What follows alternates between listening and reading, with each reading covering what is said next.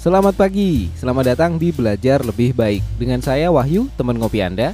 Sedikit cerita, saat ini saya merintis usaha bersama keluarga tercinta Setelah hampir 20 tahun bekerja di perusahaan multinasional.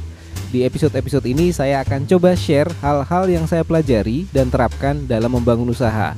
Termasuk juga suka dukanya, rintangannya, teknik apa yang bisa dicoba, dan referensi literatur yang menarik untuk dibaca. Semoga bermanfaat Salah satu hal yang saya pelajari selama merintis usaha adalah jago saja belum cukup. Maksudnya gimana? Jadi jago, hebat, master, expert dalam mengerjakan suatu hal tidak terus membuat kita pasti berhasil. Misal nih, jago masak. Tidak terus membuat seseorang akan bisa menjadi pengusaha makanan yang berhasil. Jago motret tidak serta-merta membuat kita menjadi fotografer yang sukses.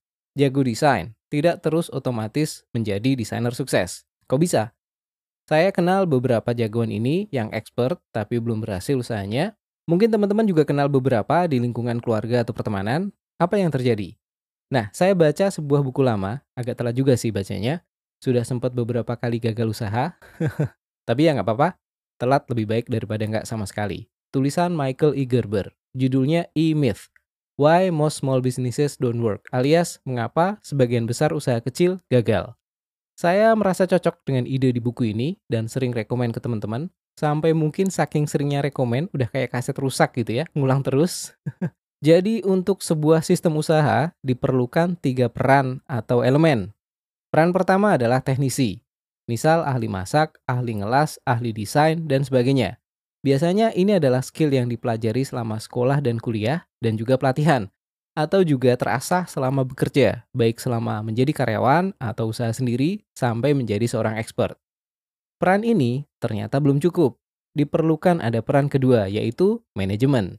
Tugasnya melakukan perencanaan, pengaturan, dan pengendalian. Misalnya, pembukuan, manajemen stok, penjadwalan, perencanaan produksi, hitungan rugi laba, dan sebagainya. Termasuk misalnya, kapan kulakan, berapa banyak nyimpen stok di gudang, bagaimana ngitung harga jual, dan masih banyak lagi.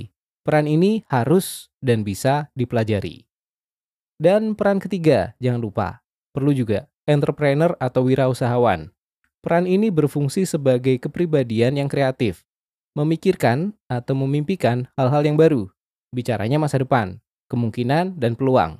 Misalnya nih, peluang produk baru, jasa baru, varian rasa baru, cara pemasaran baru, desain packaging baru, segmen pasar baru, dan seterusnya.